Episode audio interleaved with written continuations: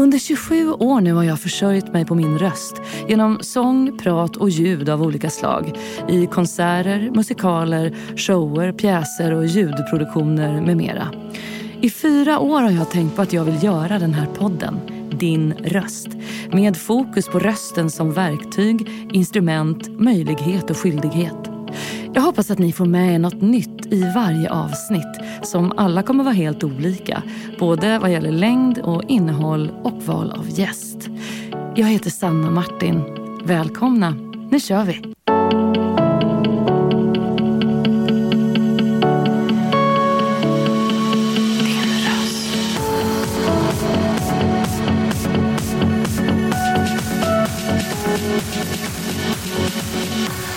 Din röst. Nu är jag redo. Är du redo? Absolut. Vad roligt. Då scrollar jag upp här så jag inte glömmer vad jag har tänkt ut. Ehm, då säger jag varmt välkommen till min podd Din röst, talman Andreas Norlén. Tack så mycket. Det är en stor glädje och ära att träffa dig och ha dig i min podd. Det är väldigt roligt att få vara med och prata om de här viktiga frågorna. Vad Kul!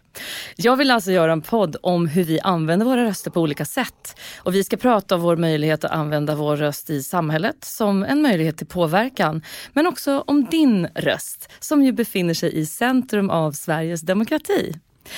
Min ambition är att alltid vara lugn och tålmodig. Det är viktigt när man står inför utmaningar av olika slag. Det kan faktiskt vara mer betydligt tålamodsprövande att hantera en femåring än att leda en regeringsbildning.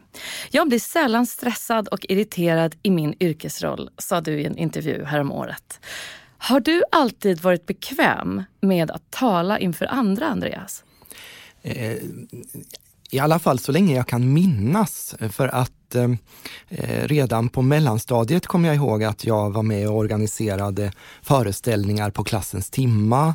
Eh, och ja, vi satte upp små skådespel eller sketcher. Eh, jag kommer ihåg ännu längre tillbaka att jag och några kompisar lekte cirkus och gjorde föreställningar för föräldrarna. Det tror jag i och för sig att ganska många barn gör, inte så att man vill visa upp sig då som Jo. barn. Eh, men det där, för min del har det där i alla fall hållit i sig. Sen handlade väl i alla fall det första kanske inte så mycket om att tala inför andra, men, men ehm, det har funnits med mig länge också. Att eh, också tala inför andra människor. Ja. Och när du under årens lopp nu blivit mer och mer van vid att höra dig själv kanske från radio och tv-klipp och så. Vad har du fått för relation till din röst? Tänker du mycket på hur du låter?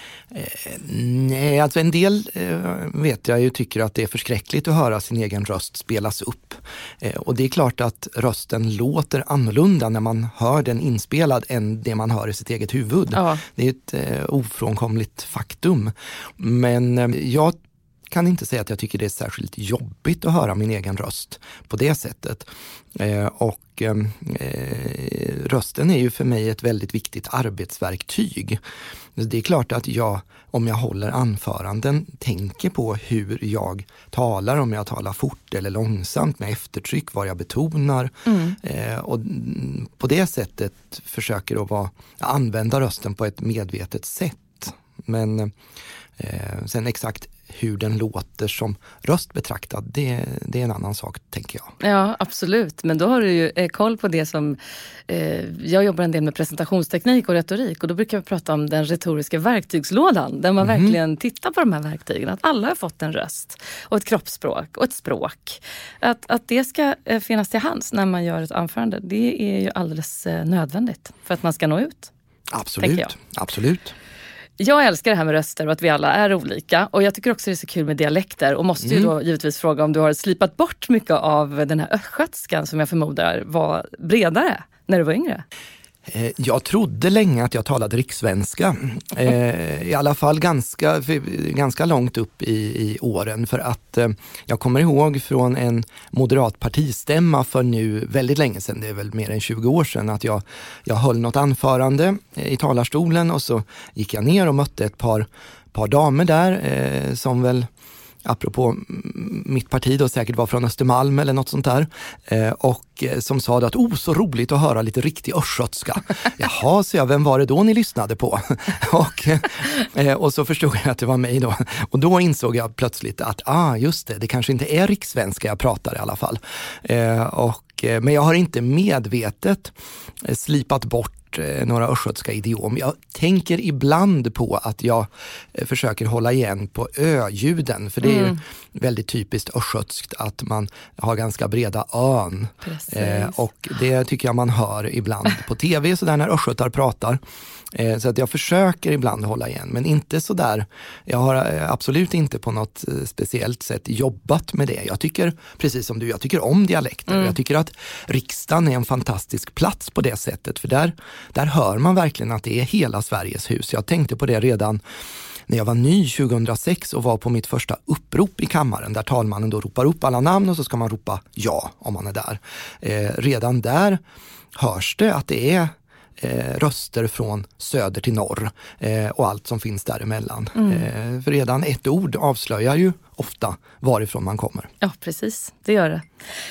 Du föddes här utanför Stockholm men växte sen upp i Östergötland, eh, i Ödeshög och gick i skolan där och i Mjölby.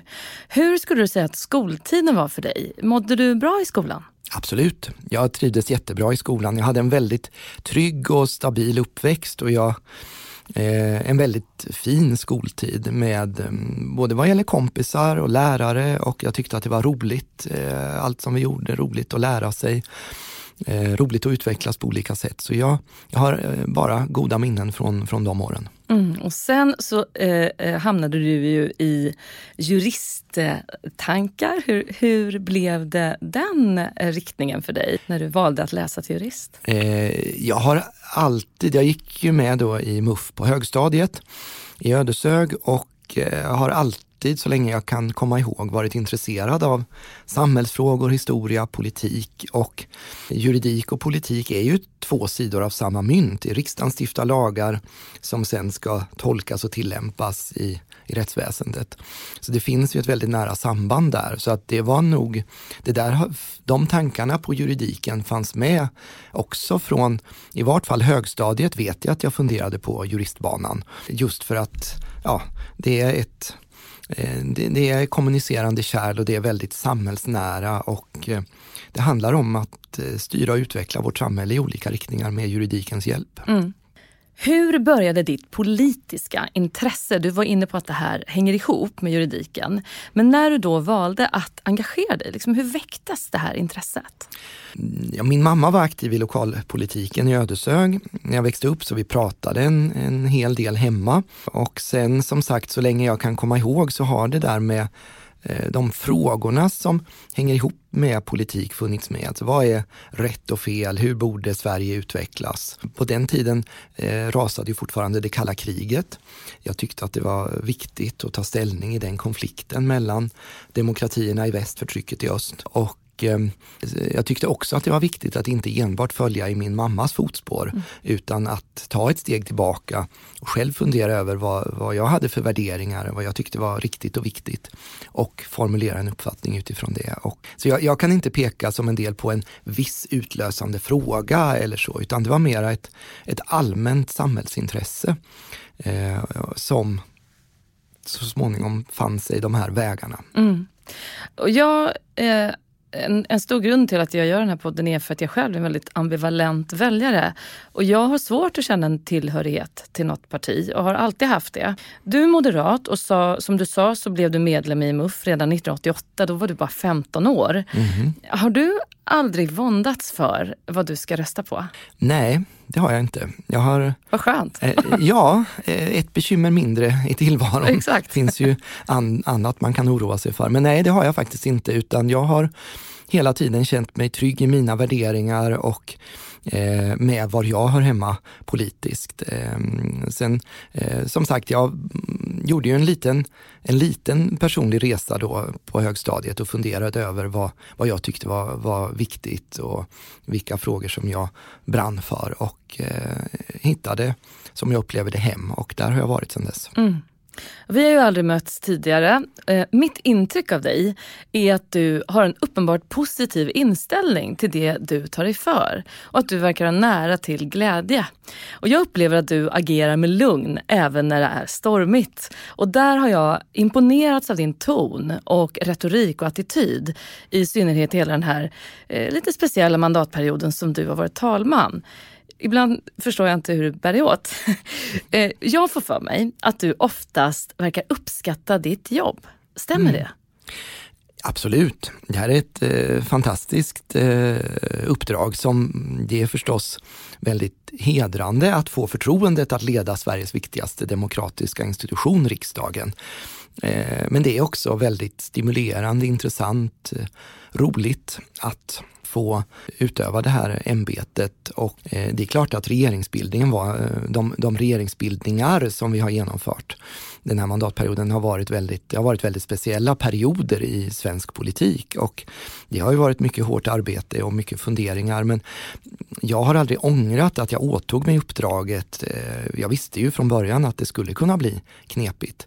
Eh, men jag tror att livet, eh, tillvaron blir mycket lättare om man griper sig an uppgifter med en, en positiv ansats. Att jag tycker, jag tycker väldigt synd om dem som inte har roligt på jobbet. Eh, det måste vara väldigt, väldigt tufft att gå till jobbet och känna att man inte trivs eller att man blir illa behandlad eller att man hellre skulle vilja vara någon annanstans. För det har jag aldrig upplevt. Jag har alltid trivs där jag har varit och eh, eh, tyckt att det har varit intressant och meningsfullt oavsett om det har varit på universitetet eller i min mammas företag eller som talman eller eh, andra uppdrag i riksdagen. Mm.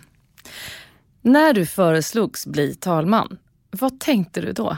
Eh, jag tänkte ungefär en sekund innan jag tackade ja. Eh, jag borde ha pratat med min fru, inser jag så här efteråt, men hon stödde mitt ställningstagande och tyckte jag hade svarat rätt. Men eh, det var såklart hisnande på, på flera sätt. Jag visste ju att Sverige stod inför en, en sannolikt en besvärlig regeringsbildning och att talmannen har en, en central roll där. Men som sagt, jag, jag har hållit på med politik i över 30 år och eh, aldrig specifikt siktat på att bli just riksdagens talman. Men när frågan ställdes så kunde jag självklart inte säga nej. För det är en fantastisk sak att få, få leda Sveriges riksdag. Mm. Hade det slagit dig innan i livet, när du ändå var politiskt aktiv, att säga, någon gång kanske jag blir talman? Nej, nej, det, det, måste jag säga. Det hade jag inte tänkt på på det sättet. Just för att jag har eh, snarare levt efter devisen att ta vara på de möjligheter som, som öppnar sig. Eh, att förvalta det ansvar och förtroende som jag har fått på bästa sätt och sen vara öppen för nya utmaningar. Mm. Under den minst sagt utdragna regeringsbildningsprocessen 2018-19 så blev du i stort sett folkkär. Det var inte många kvällar som du inte var i tv-rutan kan man ju säga under den tiden. Personligen så tänker jag att folk plötsligt kanske kunde identifiera sig en aning med vår talman som bjöd på fika och eh, bjöd in till diskussioner gång på gång. Och jag tror lite grann att det hade med det att göra. Att mycket av det du gjorde i de här samtalen blev väldigt mänskligt. Hur tänker du kring den uppmärksamheten som du började få vid den här tiden? Eh, jag hade förstås mött journalister många gånger tidigare under mitt politiska liv. Jag var konstitutionsutskottets ordförande förra mandatperioden och hade en hel del med media att göra. Men det var såklart ingenting mot den enorma uppmärksamhet som, eh, och det enorma intresse som fanns för regeringsbildningen. Eh, och jag kände direkt vid min första pressträff samma dag som jag blev vald att jag kan inte kliva in i pressrummet i riksdagen och vara rädd för media.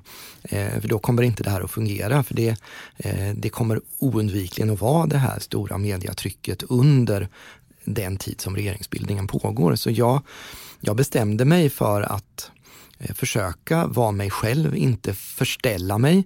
Eh, vara så förberedd som möjligt på, inför de frågor som kan komma och att svara så eh, ärligt och öppet som möjligt eh, på ja, hur processen går och vad jag ser framför mig.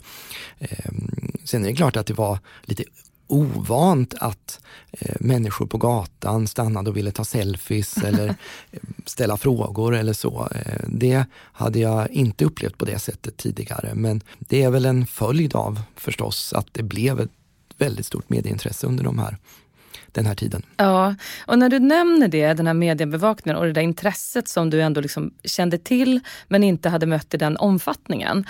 Fick du liksom något stöd eller någon hjälp kring hur du skulle hantera media eller hittade du liksom en egen väg? Eh, jag har ju två pressekreterare och talskrivare som ingår i den lilla stab som omger talmannen. Och de har ju förstås varit ett väldigt stöd och, eh, eh, under de här eh, åren. Så där är ju mitt viktigaste bollplank och stöd. Men sen tror jag att när man hamnar i en sån här offentlig roll så måste man också själv eh, bottna i rollen och hitta sin egen plats och sin egen väg framåt. Med hjälp av andra förstås. Men jag tänker att jag försökte använda den erfarenhet som jag hade sedan tidigare av mm.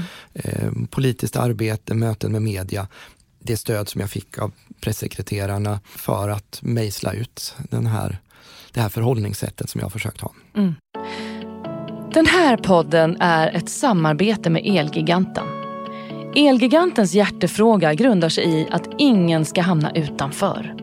Mer specifikt vill Elgiganten motverka det digitala utanförskapet som drabbar allt fler. Äldre personer har generellt sett mindre kunskap om digitala verktyg och sämre tillgång till teknik. I tio år i rad nu har Elgiganten kartlagt det digitala utanförskapet och dess utveckling. I den senaste undersökningen framgick att en av tre personer, alltså 41 procent över 60 år, är oroliga för att de inte kommer hänga med i den tekniska och digitala utvecklingen när de blir äldre. Vill du veta mer om Elgigantens arbete för att minska det digitala utanförskapet? Besök elgiganten.se. Och under den här perioden så visade du ju, som jag har nämnt, att jag tyckte, eh, du visade prov på ett stort tålamod. Och det tror jag inte jag är ensam om att, att ha bilden av. Eh, som du själv har sagt så hetsar du sällan upp dig. Men fanns det ändå stunder där du kunde känna liksom en irritation på de här partiledarna som sprang in till dig i tid och otid? Nej, alltså, nej, egentligen inte därför att jag mm, förstod i grunden att det här var en väldigt svår situation för alla inblandade. Att det var ett komplicerat läge, det krävdes omprövningar, diskussioner internt i partierna, externt mellan partierna. Eh, så enda gången som jag som jag blev fundersam och tror jag också vid en pressträff eh, gav uttryck för en viss möjligen rent av irritation var väl precis i slutskedet där i januari 2019 när, när det visade sig efter att de här fyra partierna hade ingått januariavtalet att Vänsterpartiet plötsligt skulle kunna rösta ner eh, den här uppgörelsen. Och jag tyckte att det var en smula egendomligt att man inte hade säkrat hela det stöd som man behövde, mm. utan bara en del av det.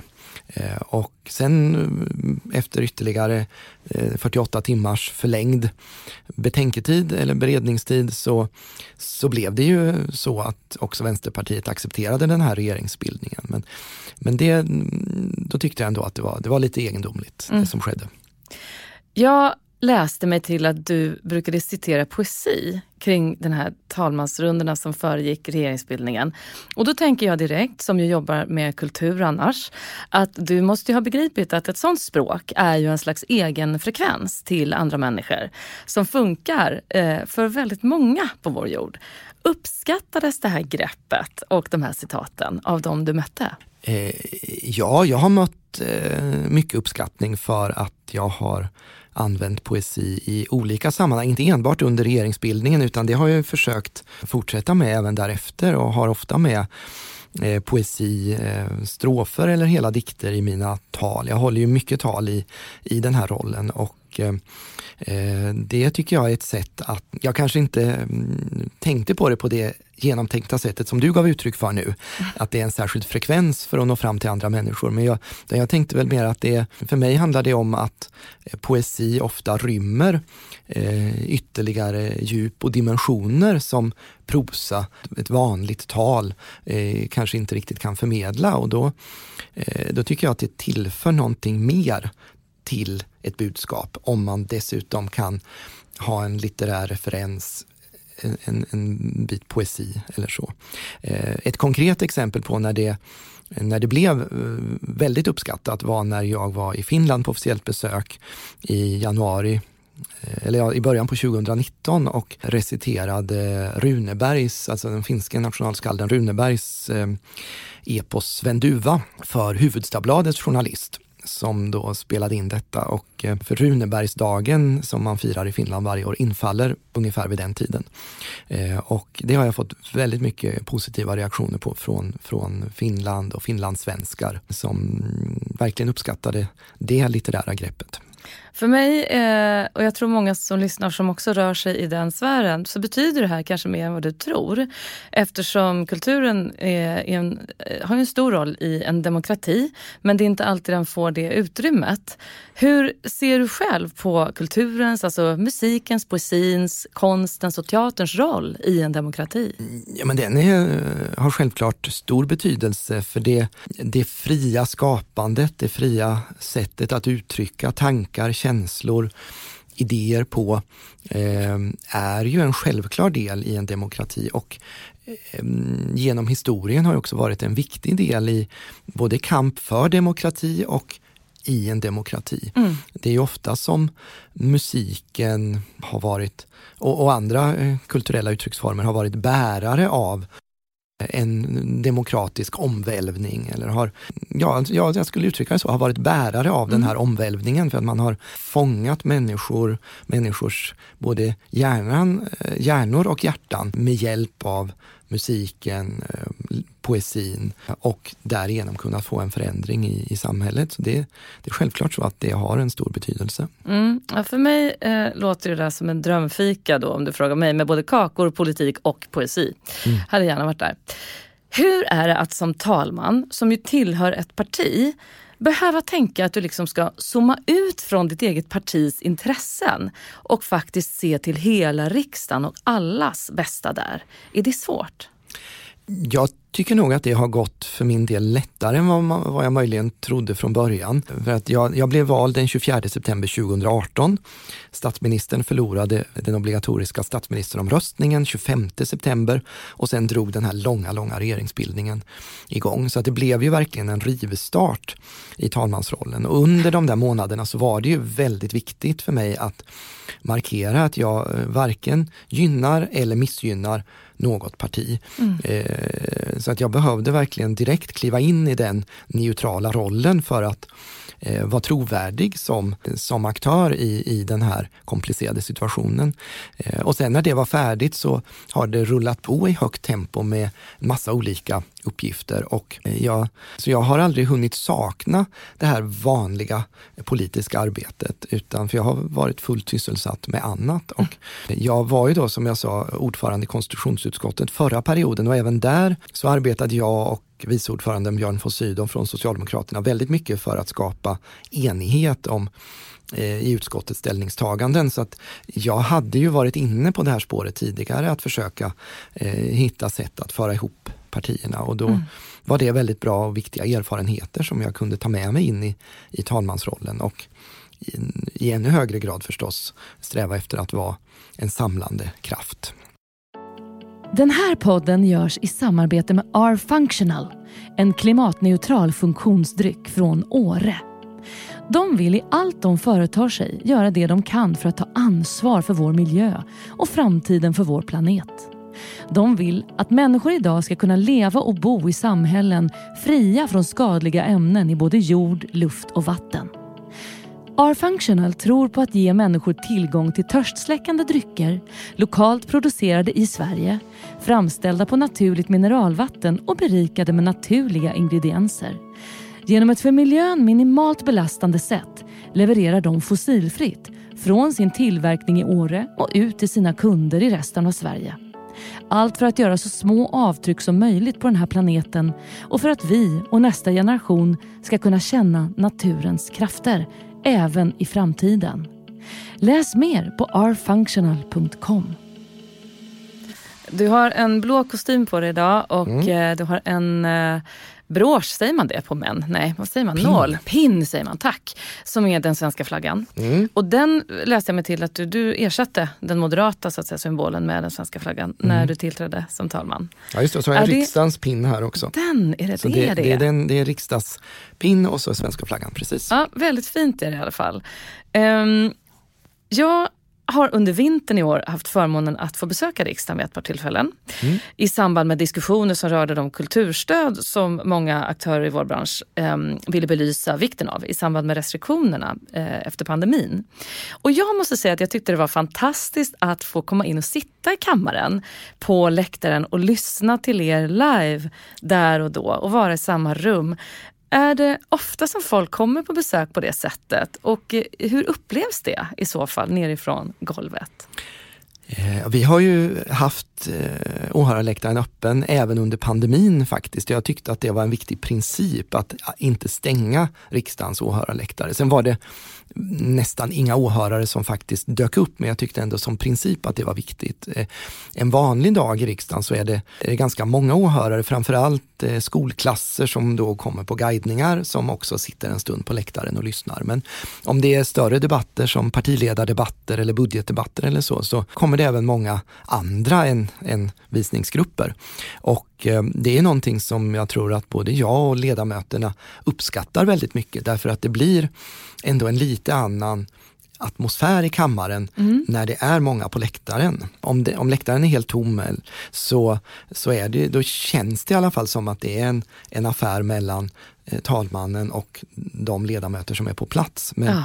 har man då en, en publik på plats så så har man någon mer att vända sig till tror jag som, som ledamot. Eh, sen vet vi ju att eh, mycket av det som sker i kammaren sänds ju i, i SVT Forum till exempel och allting sänds på webb-tv så mm. det finns ju en publik där ute som man inte ser. Men just känslan av att ha människor i rummet som lyssnar eh, ger en särskild atmosfär. Mm. Det håller jag med om. I alla sammanhang så är det ju ändå så att vi mår bra av att och lite grann vara tillsammans i mm. saker. Mm. Men eh, skulle du vilja uppmuntra fler att besöka riksdagen? Jag tänker på unga som lyssnar på vårt samtal. Att det faktiskt går att eh, anmäla att man vill komma dit och vara med. Eh. Ja, man behöver inte ens anmäla sig. Åhörarläktaren kan man bara gå till när den är öppen, när det pågår debatt i mm. kammaren och slinka in om man har en, en stund över när man ändå släntrar förbi. Eh, och jag tycker att alla borde besöka riksdagen någon gång. För riksdagen är hela Sveriges hus och då borde egentligen alla ha varit där någon gång och sett hur det går till. Antingen på åhörarläktaren eller på någon av de guidningar som, som anordnas. Vi mm. har ju såklart skolguidningar men vi har också öppna guidningar. Eh, och där tror jag att man måste boka tid i förväg. Jag är lite osäker ja, men det på det. tror jag också. Det, det, har jag hört från någon annan också. Men det, det, är en bra grej att skicka med i alla fall. Att det Absolut. faktiskt finns möjlighet för de som är intresserade. Eh, det var en, som jag sa en stor känsla att sitta där i demokratins centrum tyckte jag. Kan du fortfarande känna en slags vördnad över ditt uppdrag? Eller har det blivit vardag att befinna sig där i riksdagen? Jag tänker att Eh, den dag man är helt blasé inför miljön, institutionen, uppdraget, då ska man sluta. Mm. Eh, därför att det här är en alldeles speciell Eh, plats i, i vår demokrati i vårt land. Eh, det är, riksdagen står, det är regeringsformen, är folkets främsta företrädare. Eh, och den här institutionen vilar på månghundraåriga traditioner. Vi måste alltid såklart ha blicken mot framtiden och vara beredda att utveckla och förändra och fundera över vilket Sverige vi vill se om fem eller tio eller 50 år. Men vi måste också göra det med vetskap om alla som har varit där före oss och allt som har skett tidigare. Mm. Eh, och jag mm, försöker eh, både nu och då stanna upp när jag går omkring i det här fantastiska huset och se mig omkring och känna atmosfären. Just för att eh, aldrig bli blasé eller nonchalant inför, inför institutionen och uppdraget. Mm. Vi firade ju 100 år av demokrati i Sverige förra året. Om du lite kort skulle beskriva processen i Sveriges system idag. Hur går det till exempel till om en person från ett parti eller en riksdagsledamot eh, lägger ett förslag kring en fråga? Vilken tågordning kan man säga är det då som gäller från idé till beslut?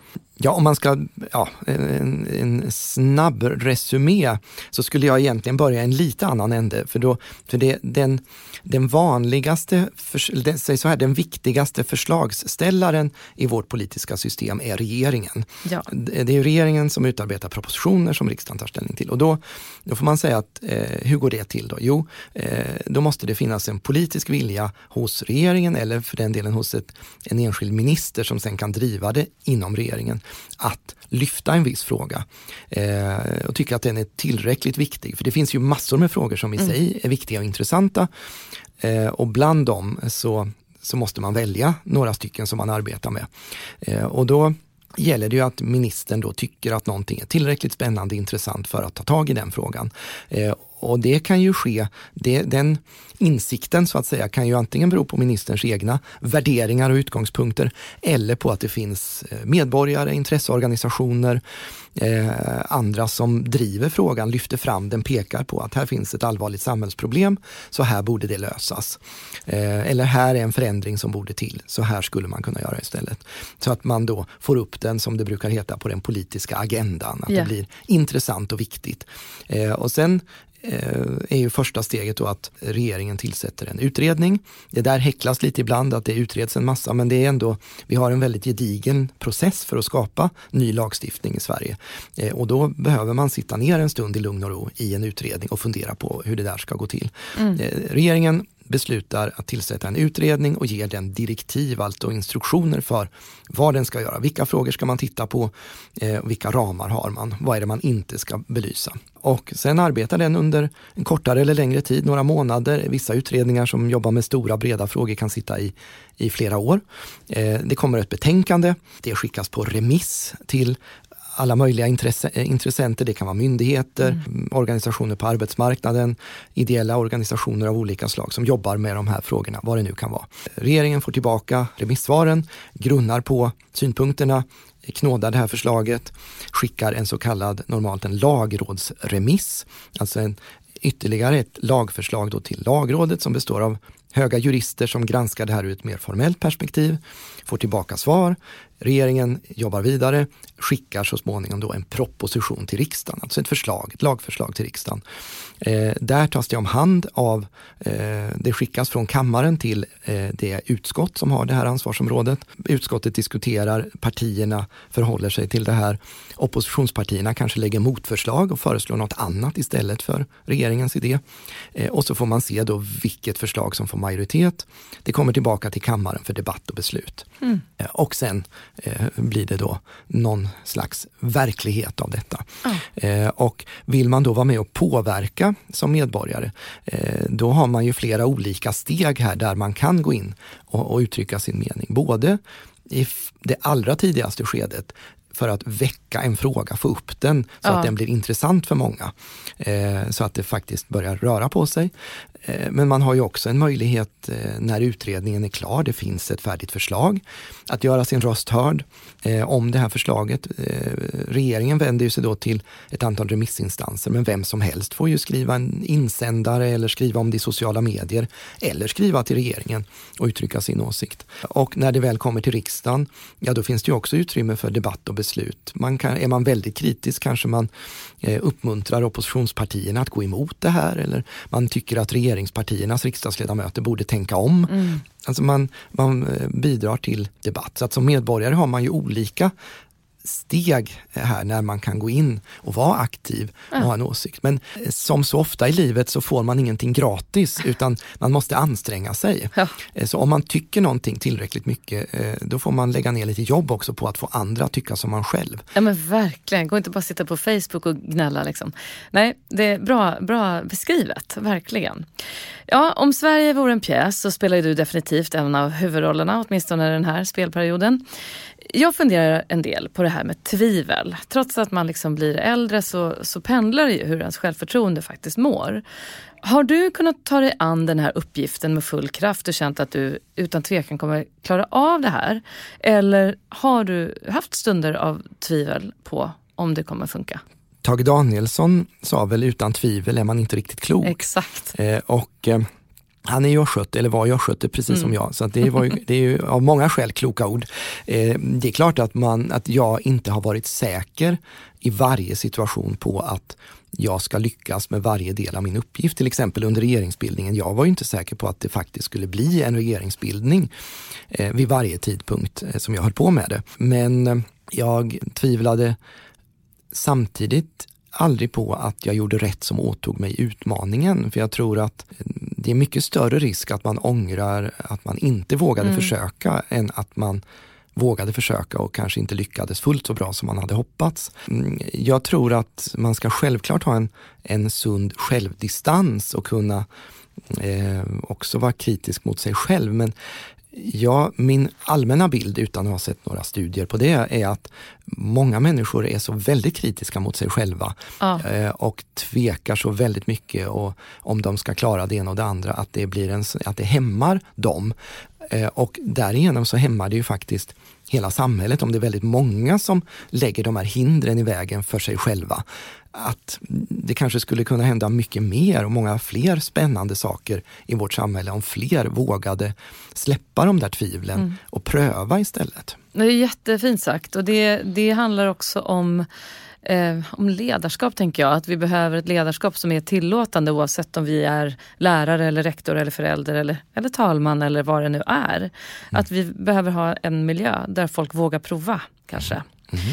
Kan du själv bli nervös för en del tillfällen du står inför i, i ditt uppdrag? Eh, till exempel inför debatter eller besök från utlandet eller så? Ja, jag kan absolut eh, känna en anspänning eh, och en, en nervositet inför särskilt viktiga uppgifter. Jag tror att eh, man inte gör ett, eh, ett bra jobb till exempel som talare om man inte känner en viss anspänning och eh, ett visst fokus inför en, en uppgift, till exempel att hålla ett anförande. Mm. Eh, så det är klart och det gör ju också att man, man eh, anstränger sig kanske lite extra för att förbereda sig eller läsa talet en gång till eller fila på formuleringarna. Så det, eh, absolut, det tror jag är viktigt. Ja. Eh, jag tycker det är kul att följa dig på Instagram. Du verkar ha ett intresse av att vilja bilda folk lite grann i hur demokratin i Sverige faktiskt fungerar och är uppbyggd. Men du har också fått kritik för att du gör det på det sättet. Jag tycker att det är helt rätt eftersom eh, en folkbildande ton sällan kan vara fel. Jag begriper inte riktigt att det skulle kunna vara det. Och i den bästa av världar är det precis det vi bör ha sociala medier till, tänker jag. Men ser du det som ett ansvar att belysa de här frågorna i den kanalen? Jo, men jag tycker att det är en självklar del av mitt uppdrag att berätta om riksdagen, talmansrollen, vår demokrati. Under regeringsbildningarna så har jag försökt vid några pressträffar att vara lite mer utförlig eh, än vad som kanske behövs för riksdagsjournalisterna när det gäller att beskriva just processen, vad som ska hända, eh, hur regelverken ser ut. Eftersom jag vet att väldigt många följer det här mm. runt om i Sverige och har ett intresse.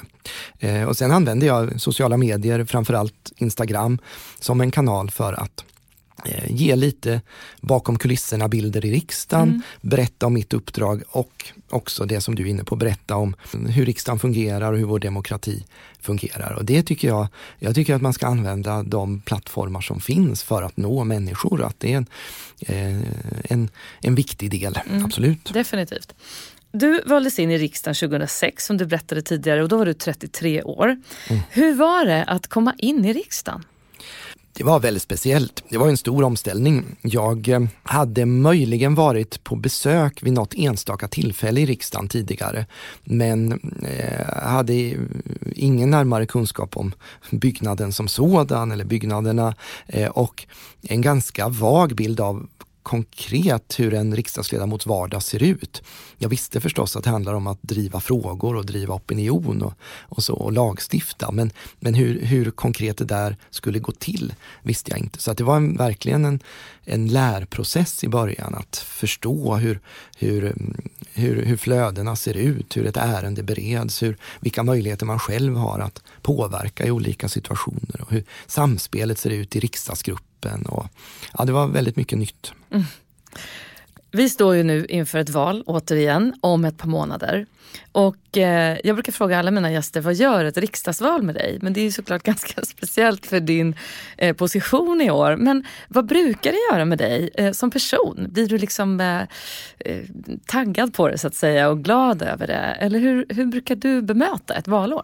Jo men eh, som sagt, jag har hållit på med politik sedan högstadiet och eh, valår och valrörelser är på många sätt demokratins eh, högtidsstunder. Eh, så jag brukar bli väldigt ja, taggad. Jag brukar ju då, eh, i alla fall under alla åren i riksdagen och även i ungdomsförbundet och så tidigare, känna att jag vill verkligen göra allt för att prata med så många som möjligt, möta så många som möjligt, nå ut så mycket som möjligt eh, och och eh, jobba både dag och mer eller mindre natt i alla fall med mm. det här under, eh, särskilt under valrörelsens intensivskede då de sista, låt oss säga fyra veckorna eller så. Det är inte helt lätt att navigera i det politiska landskapet idag tycker jag. Eh, hur tror du att vi skulle kunna göra utfrågningar och partiledardebatter mer begripliga och givande för oss som lyssnar? Jag tror att, alltså det talas ju ibland om att den här mm, stora mångfalden av kanaler är knepig på det sättet. Alltså dels ja, det är väldigt arbetskrävande för framförallt partiledarna som då måste vara med på utfrågningar och debatter eh, på en massa olika ställen jämfört med förr i tiden när det var SVT som gällde. Och, mm, och, att det också blir väldigt fragmenterat, ett väldigt fragmenterat medielandskap för väljarna då att ta del av. Samtidigt kan jag tänka att det är det är någonting bra i att man får testa många olika format och modeller för både utfrågningar och debatter mellan partiledarna och andra partiföreträdare. Att det, det har ju verkligen blivit så att det är tusen blommor som blommar. Alla mm. tidningar och tv-kanaler och andra med självaktning har ju en egen valsatsning och gör sitt eget stuk. Ja. Eh, och det gör ju att man får testa många olika sätt att eh, göra politiken begriplig och engagerande. Och det, så jag tror, jag tror på det, jag tror på mångfalden. Mm. Och I egenskap av talman så förstod jag att du kan inte uttala dig till exempel om vilken eh, fråga du går och grunnar mycket på vad gäller samhällsutmaningar och sådär. Är det ska jag säga, är det, talmannens roll är att liksom stå ganska neutral. Mm. Även då fastän, kan det vara frustrerande för en talman att inte få liksom uttrycka det du kanske går och tänker på eh, och folk ändå vet att du tillhör ett parti? Eh, ja, men, det ligger ju i, i talmansrollen. Vi har ju en ganska, vi har en tradition där i Sverige som, som eh, är eh, ganska tydligt så att talmannen ska vara i sin, när han utövar, han eller hon utövar sitt ämbete partipolitiskt neutral. Och det eh, har ju i sin tur, tror jag, bland annat sina rötter i just talmannens roll i regeringsbildningen, som ju är väldigt ovanlig. Det brukar ju vara statschefen, alltså i vårt fall kungen, som då leder regeringsbildningen. Eh, I många länder en, en, president. I Sverige är det ju inte så utan det är talmannen och jag tror att det är en del av förklaringen till att man har, vår tradition är att talmannen ska vara neutral. Mm. Eh, och, eh, men jag har, som jag var inne på, jag har haft så väldigt mycket annat att göra. Så jag har inte riktigt hunnit sakna det där men det är klart att jag har åsikter och värderingar men det behöver jag inte torgföra eh, i mitt ämbete utan det, det behåller jag för mig själv. Ja. nu har vi ett väldigt speciellt världsläge. Eh, väldigt många är oroliga. Mm. Demokratin står inför ganska mycket utmaningar. Vad skulle du personligen säga kan, vad, vad, tycker du är demokratins utmaning idag? Svensk demokrati, för att börja där, står stark. Eh, vi hade 87 procent som röstade i senaste riksdagsvalet.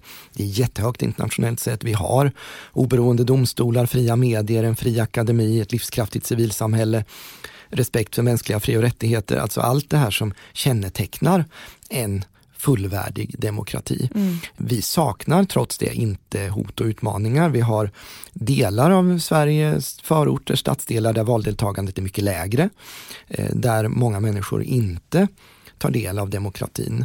Vi har våldsbejakande extremister som bekämpar vår demokrati, ibland med våld. Vi ser hur medlemstalen i de politiska partierna har, har minskat under en lång följd av år. Det har nog planat ut de allra senaste åren, men under många år så minskar det. Och därmed också rekryteringsbasen för, för framtidens förtroendevalda. Så det är klart att vi inte saknar utmaningar, men vi eh, har ändå väldigt stabila institutioner och en väldigt stabil demokrati. Blickar vi ut i världen ser det ju helt annorlunda ut. Mm. Videm Institute vid Göteborgs universitet som eh, forskar om demokratifrågor och eh, rankar världens länder regelbundet i demokratihänseende konstaterade i sin senaste rapport att bara kanske 14 procent av världens befolkning lever i fullvärdiga demokratier. Eh, övriga i demokratier med, med brister och eller i eh, rent auktoritära länder. Det visar ju, och, och Rysslands krig mot Ukraina sätter ju i blixtbelysning eh, hur ett ett auktoritärt land angriper en fredlig demokrati. Och det är klart att det är, ett, det är ett angrepp på hela den europeiska säkerhetsordningen och på idén om en ordnad, en, en världsordning som bygger på regler och inte på den starkes rätt. Eh, så det är eh, absolut stora utmaningar och hot eh, runt om i världen. Mm. Det jag tror krävs är att världens demokratier då håller ihop, utökar sitt samarbete hjälper de länder som har lite svagare demokratier, unga demokratier, så att de kan konsolidera sina system. Att vi också på den internationella arenan håller ihop och håller emot när auktoritära länder försöker sätta sin dagordning i internationella organisationer till ja. exempel. Så att det finns motvikter och motkrafter och att vi främjar demokratin, stöttar demokratikämpar i olika länder. Och så. Det, så vi har en väldigt stor uppgift framför oss. Mm. Tyvärr, för 30 år sedan när muren föll och Östeuropa befriades så såg det ju helt annorlunda ut. Nu ser vi ju en demokratisk tillbakagång i många länder och det är något som vi verkligen måste kämpa emot. Sen kriget startade, har din vardag som talman fått eh, liksom en annan eh, ja, har, har den förändrats mycket med tanke på kontakten med, med andra länder och så? Ja, framförallt kan man väl säga att eh, kriget kastar en skugga över vårt land och eh, hela världen. Så det, det, finns ju där alltid i, i, medvetandet.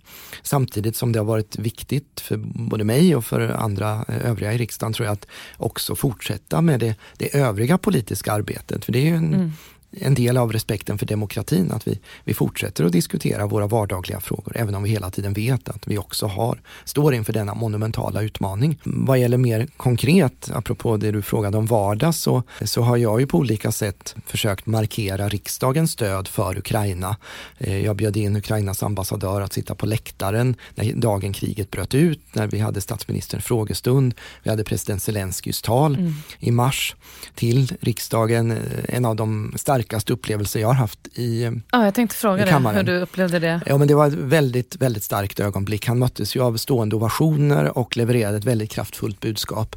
Eh, så det var en dag som jag tror ingen av oss glömmer som Nej. var där. Och det var ju du som startade hela den stunden med ett mm, tal som också var starkt och man såg att du var väldigt berörd och engagerad tycker jag, i att det här fick ta plats hos er?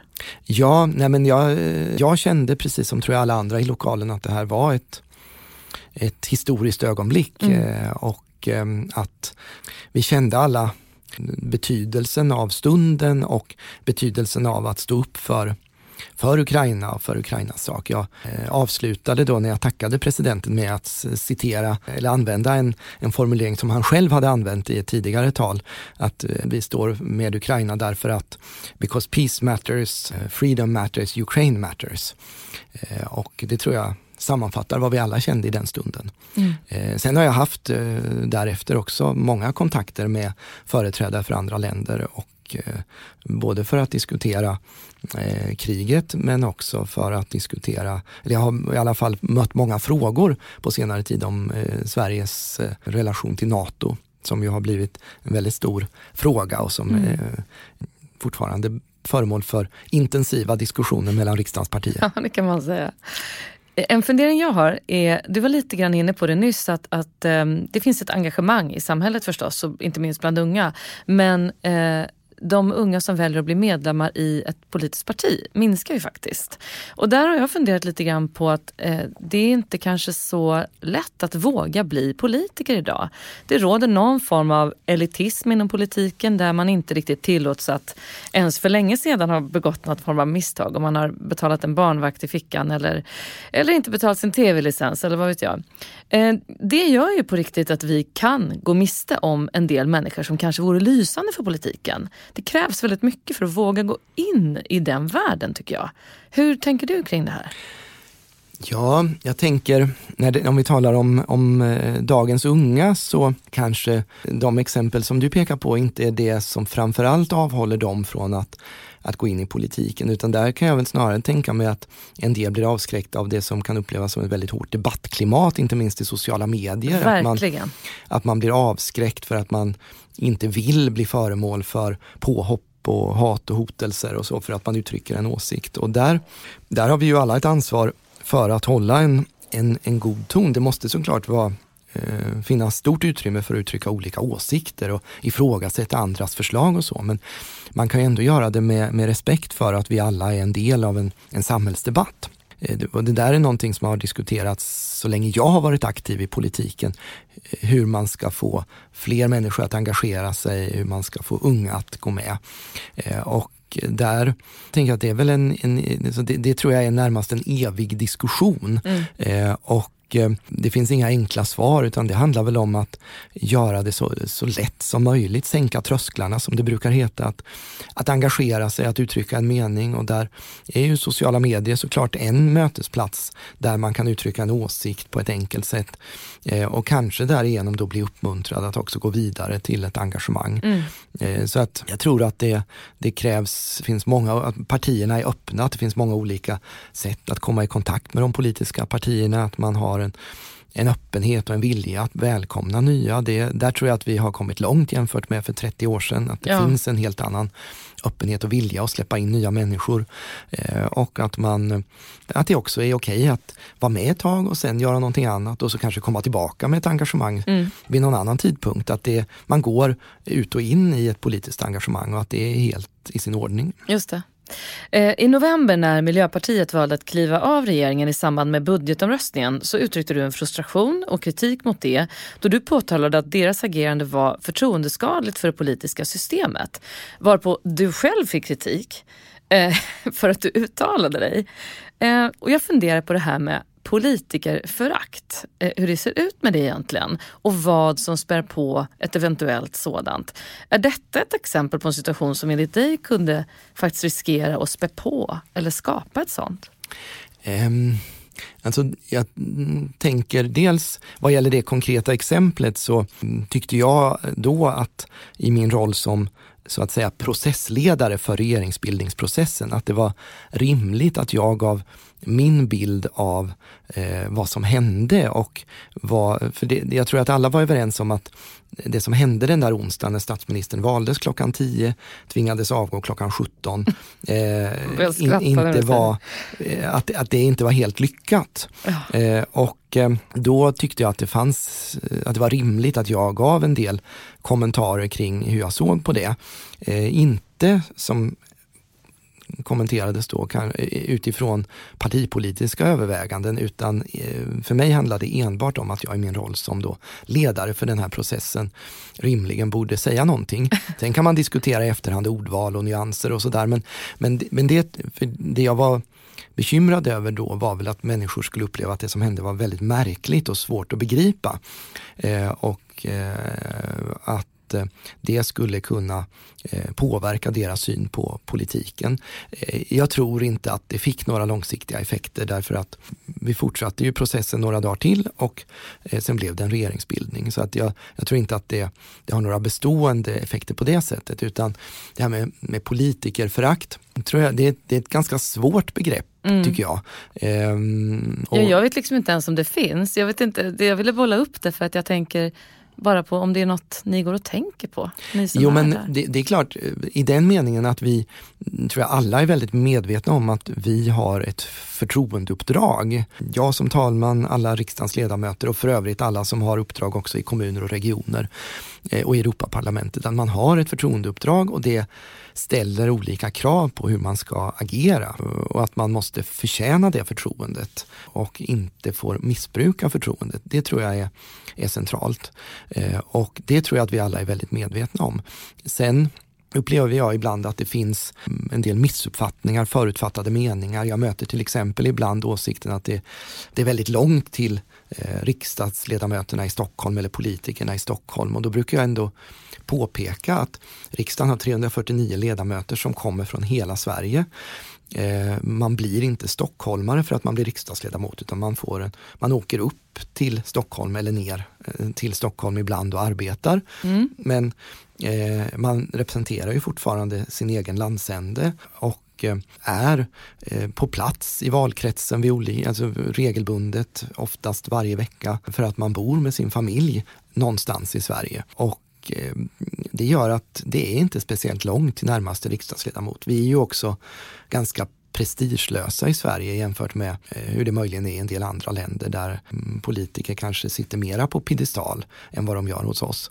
Men vi är ganska prestigelösa och jordnära och, och eh, vidgar man sen blicken och tittar på alla de 40 000 personer som har förtroendeuppdrag i kommuner och regioner ja då kan man väl ändå säga att de, många bor i samma kvarter som en, en någon som är politiskt verksam. Eh, och då är det ju väldigt nära till den, så att säga, i den meningen den politiska makten. Att man, det är någon man träffar på gatan och kan diskutera ja, med. Och mm. Jag tänkte på det när vi var i riksdagen, att eh, arbetet som jag fick i alla fall en inblick i präglades av väldigt god stämning alla emellan oavsett partifärg. Där man verkligen väljer att bekräfta varandra, hylla någon som slutar etc. Eh, upplever du att det oftast ser ut så? För det här är ju ingenting som jag tror gemene man har en bild av att det faktiskt är så här. Ja, eh, generellt sett så eh, är det min bild eh, och det brukar jag också framhålla när jag besöker en del eh, unga demokratier där det kan vara väldigt hårda motsättningar också på det personliga planet mellan företrädare för olika partier. Att vi har en bra tradition i Sverige att vi, eh, vi ser varann som eh, kollegor och som representanter för svenska folket inte som fiender. Självklart måste det finnas hårda politiska motsättningar. Det är ju en del av demokratin mm. att det finns olika eh, ideologier och förslag till lösningar på saker.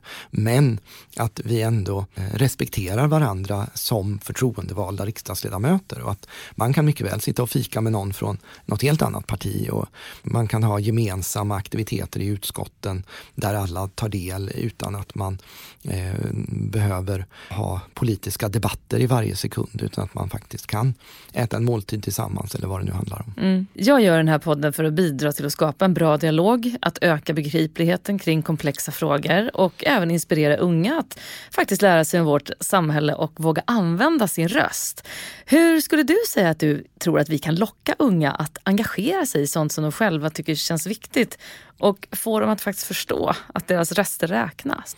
Eh, jo, men jag tycker det här, den här podden är ju såklart ett jättefint initiativ som ligger väldigt rätt i tiden att använda det här poddmediumet för att då nå ut till, eh, till en, en annan målgrupp. Eh, och eh, jag tror att det som du säger där är väldigt viktigt att lyfta fram att eh, en enstaka röst kan ha avgörande betydelse. Eh, för vi vet från förra valet att vissa av riksdagsmandaten, alltså vilket parti som fick vissa av riksdagsmandaten avgjordes av ett ganska litet antal röster eh, på olika håll i Sverige. Och i sin tur så har vi ju en väldigt jämn situation i dagens riksdag där mm. det i ett antal omröstningar skiljer ett enda mandat, en enda röst. Eh, och det såg vi i senaste statsministeromröstningen till exempel, att, att eh, det var med en rösts eh, övervikt så att säga som statsministern blev godkänd. Eh, och det visar ju att eh, om några få personer någonstans i Sverige hade röstat på ett annat sätt så att det ett, ett av mandaten hade fått eh, gått till ett annat parti så kanske hela den här mandatperioden hade sett annorlunda ut. Ja. Eh, och det visar just att varje röst räknas och varje röst är viktig. Eh, och så kan det ju också vara i, i än högre grad kanske i kommuner och regioner där det eh, där också maktbalansen i fullmäktige påverkas av enstaka röster och var, var ett enda mandat hamnar. Mm. Sen apropå just att nå unga personer så är det väl just att eh, göra politiken begriplig, intressant och relevant. Att man diskuterar frågor som unga bryr sig om och tycker är viktiga. Ja. Jag har haft eh, tre andra politiker här, både före detta och fortfarande aktiva. Det har varit Amanda Lind, och Göran Hägglund och Bengt Westerberg. Mm. Och det har varit väldigt tydligt att eh, det tar ju sin tid att ägna sig åt politik. Ledighet är ju ingen, ingen liksom, vad ska jag säga, det är ingenting som går till överdrift i era yrken. Eh, kan du ens vara ledig, till exempel i sommar? Ja, dels så tänker jag apropå just det här med att eh, locka fler unga att engagera sig, att det måste ju inte vara på det här sättet. Utan Nej. om man blir medlem i ett politiskt parti så väljer man ju själv sen hur mycket tid man lägger. Så de allra flesta eh, som har politiska uppdrag är ju fritidsengagerade. De gör just. det här på sin fritid mm. för att de tycker att det är roligt eh, och för att de kanske har en liten stund över eller väljer att göra det här istället för, för någonting annat. Eh, men det är klart, har man ledande förtroendeuppdrag, då tar det mycket tid. Eh, riksdagen har ju sammanträdesuppehåll under sommaren normalt eh, och ehm, då kan även jag eh, koppla av med familjen. Men vi har ju hela tiden en beredskap om någonting akut skulle inträffa att kunna agera, till exempel kalla in riksdagen för extra sammanträde om det skulle behövas för att hantera en, en hastigt uppdykande kris eller någonting annat akut. När jag var KUs ordförande så, eh, så eh, inträffade eh, det en kris i myndigheten Riksrevisionen som då KU har ansvar för på sensommaren som gjorde att vi fick ha extra sammanträden långt innan riksdagen öppnade för hösten. Året därpå så eh, eh inträffade den så kallade Transportstyrelseskandalen när KU också aktiverade sig eh, tidigt på hösten, långt innan hela riksdagen samlades. Så att mm. Sånt kan såklart hända och då får man vara beredd att, att göra det, för ja. det ingår i rollen. Men jag försöker också att ta det lite lugnare under sommaren. Mm. du har ett barn, en son. Mm. Vad vill du helst att han ska få med sig av dig ut i livet? Eh, ja, många saker, men eh, framförallt eh, det grundläggande är förstås att jag hoppas att han tar med sig att jag älskar honom och alltid kommer att stå vid hans sida. Oavsett vad som händer, att han känner den tryggheten och att, att både jag och hans mamma alltid finns där för honom. Sen vill jag ju att han ska få med sig livsglädje, att eh, njuta av livet, men också att vetskapen om att ibland krävs hårt arbete för att nå dit man vill. Mm. Man måste anstränga sig och göra saker bra för att komma vidare i livet eh, om man vill någonting tillräckligt gärna. Ja. Och jag försöker såklart lära honom eh, om det ena och det andra som, som jag kan eh, och som han kan vara intresserad av. Vi har, när, när det var OS, eh, vinter-OS nu, så eh, tittade vi mycket på, på flaggorna och lärde oss ett antal flaggor. Mm. Och, eh, vi har han har varit väldigt intresserad av dinosaurier, så det, har vi, eh, det är många barn som är det ja. under ett, en period och vi, har lärt oss massor om dinosaurier och de här tidsepokerna, Trias, Jura, Krita, eh, Perm, Neogen, Paleogen, eh, som jag för länge sedan hade glömt om jag någonsin kunde det. Eh, jag brukar fråga folk ibland nu då om de vet hur länge sedan det är dinosaurierna försvann. Vet du det? Nej, nej, nej. Det här har du hittat en, en som säger nej direkt. Ja, 66 miljoner år sedan. Och det är ett ganska hisnande tidsperspektiv. Mm. Men eh, jag tänker så att, men det vet han. Eh, och eh, det var ju inte jag som lärde honom då, utan det tog vi reda på genom böcker och så. Men jag hoppas att, att jag kan förmedla både kunskap och en del värderingar, goda värderingar och men framförallt en grundläggande känsla av trygghet. Mm. Vi ska börja avrunda. Du ska få en fråga från min förra gäst. Andreas, nu säger jag så här. Hej Andreas. Du är ju moderat och så är du talman. Och i ditt arbete som talman så är det ju, handlar det ju väldigt mycket om att försöka hitta kompromisser mellan alla de här olika partiledarna och partierna. Så. Och för mig så är det ju politik, det handlar ju om att hitta de bästa kompromisserna. Mm. För att det är det som är demokratin. Och jag älskar kompromisser. Jag tycker kompromisser är, det är någonting vackert och fint med kompromisserna. Men därför så undrar jag, och du verkar ju vara väldigt bra på ditt jobb som talman. Men jag undrar har de här åren påverkat dig i, din, i ditt sätt att se på politik? Är du fortfarande lika övertygad moderat som jag antar att du var när du startade som talman? Det är min fråga. Vilken spännande fråga. Det korta svaret är, ja. Eh, jag har inte ändrat mina grundläggande politiska värderingar eh, under de här åren. Eh, och utan jag tycker fortfarande att jag hittade hem redan där på högstadiet och att jag fortfarande är hemma. och jag är ju också kandidat i, i valet i höst för att bli talman så måste man vara riksdagsledamot och eh, när då riksdagen väljs om så måste man kandidera om man vill ha en chans att bli talman igen eller för den delen få något annat intressant förtroendeuppdrag i riksdagen. Eh, så jag är kandidat eh, för Moderaterna i Östergötland och eh, det är jag med, med stor trygghet. Eh, men däremot så eh, tror jag att jag har lärt mig Eh, och utvecklats på många sätt eh, som, som talman och att eh, jag förhoppningsvis är en bättre talman och kanske utan att ta i för stora ord, en bättre människa nu än jag var för fyra år sedan. Eh, för så tror jag att det är när man ställs inför nya utmaningar och nya problem och, eh, som man ska hantera. Då lär man sig alltid någonting på kuppen om sig själv och om mm. hur världen fungerar och hur andra människor fungerar och reagerar.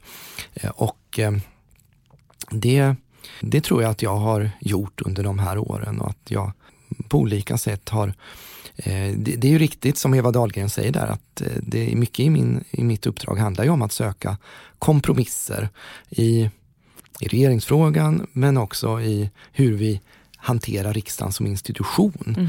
Eh, men, det, och, men, men där, om, om det där låter motstridigt, för det ligger ju lite i hennes fråga, eh, så skulle man kunna säga så här att det, vi, det jag arbetar med eh, i mitt dagliga värv som talman är ju, handlar ju mycket om hur vi tar hand om riksdagen och utvecklar riksdagsarbetet. Och det är ju ganska sällan partipolitiskt kontroversiella frågor utan handlar mer om lämplighet och vad som är praktiskt och eh, den typen av avvägningar. Eh, och där kan partierna förstås ha olika ingångar men sällan på ideologisk grund utan mera utifrån andra överväganden. Mm. Och där har jag jobbat mycket med att hitta samsyn och kompromisser. Hur vi ska driva riksdagen under pandemin eller hur vi ska hantera olika projekt under de här åren. Jag brukar fråga mina gäster om de fick vara minister en period. Vilken minister skulle du bli då? Men jag vet att du inte kan svara på det. Men då vill jag bara fråga dig, hur vill du helst använda din röst framöver? Jag vill använda min röst för eh, att främja eh, demokrati, fred och frihet. Eh, jag tycker att det är, jag har ju jobbat under de här fyra åren mycket med riksdagens demokratijubileum som har pågått hela perioden 2018 till 2022 för att fira 100 år av demokrati. Mm. Och jag tycker att vi ibland i vårt land har tagit demokratin för given och nu ser vi att den hotas, eh, jag var inne på det förut, eh, lite inom våra egna gränser mycket ute i världen. Eh, och då tror jag att det är viktigt att vi eh, pratar mycket om demokratin och vad som kännetecknar vår demokrati, hur vi vill att den ska vara i framtiden. Det vill jag använda min röst till. Fred och frihet förstås eh, i perspektivet av Rysslands anfallskrig mot Ukraina. Att stå upp för varje lands rätt att bestämma sin egen framtid och för en värld där vi löser konflikter på ett ordnat sätt med regler och där rätten inte sitter i spjutstångs ände för att använda en formulering från, från förr. Ja. Och det här avsnittet spelas in den 5 maj i Stockholm. Andreas, du fyller ju år imorgon. Gör jag. Det gör du. Grattis i förskott. Tycker du om att fylla år? Absolut, eh, det gör jag. Jag tycker att man ska ta vara på alla möjligheter som finns i livet att fira. Eh, så vi har en tradition i familjen att vi brukar ha birthday week. Nej, vad kul! Eh, så att man blir firad inte bara på själva födelsedagen utan under hela veckan. Och det kan vara i smått och stort. Det behöver inte vara att man får fina presenter varje dag utan att man kan få kanske någon sovmorgon eller någon liten present bara att man visar att man bryr sig lite extra om den personen under den veckan. Så vi har även, vi firar även bröllopsdag en hel vecka och eh, lite andra saker. Men vilken bra inspiration, det där får vi ta efter känner jag alla som hör. Det, jag läste att det ska bli 18 grader varmt imorgon. Vad ja. ska du göra imorgon? Imorgon ska jag träffa kungen, för det gör jag en gång i kvartalet och uppdaterar honom om vad som händer i riksdagen. Jag ska sitta i kammaren en stund och eh, sen var det säkert något mer och så, så småningom ska jag bege mig hem till Norrköping då och fira min födelsedag med Henry och Helena. Vad härligt det låter. Då önskar jag dig en underbar födelsedag. Och jag vill verkligen tacka så jättemycket för att du ville komma och höja din röst hos mig. Tack så mycket för att jag fick komma. Tack snälla för att ni har lyssnat ytterligare en vecka. Det var oerhört speciellt att få sitta med Sveriges sittande talman och prata om demokrati. Tack Elgiganten för att ni är med och lyfter eh, frågan om digitalt utanförskap. Och tack också till R-Functional och tack Casting by Smile för den mysiga poddmiljön. Vi hörs nästa vecka. Hej då!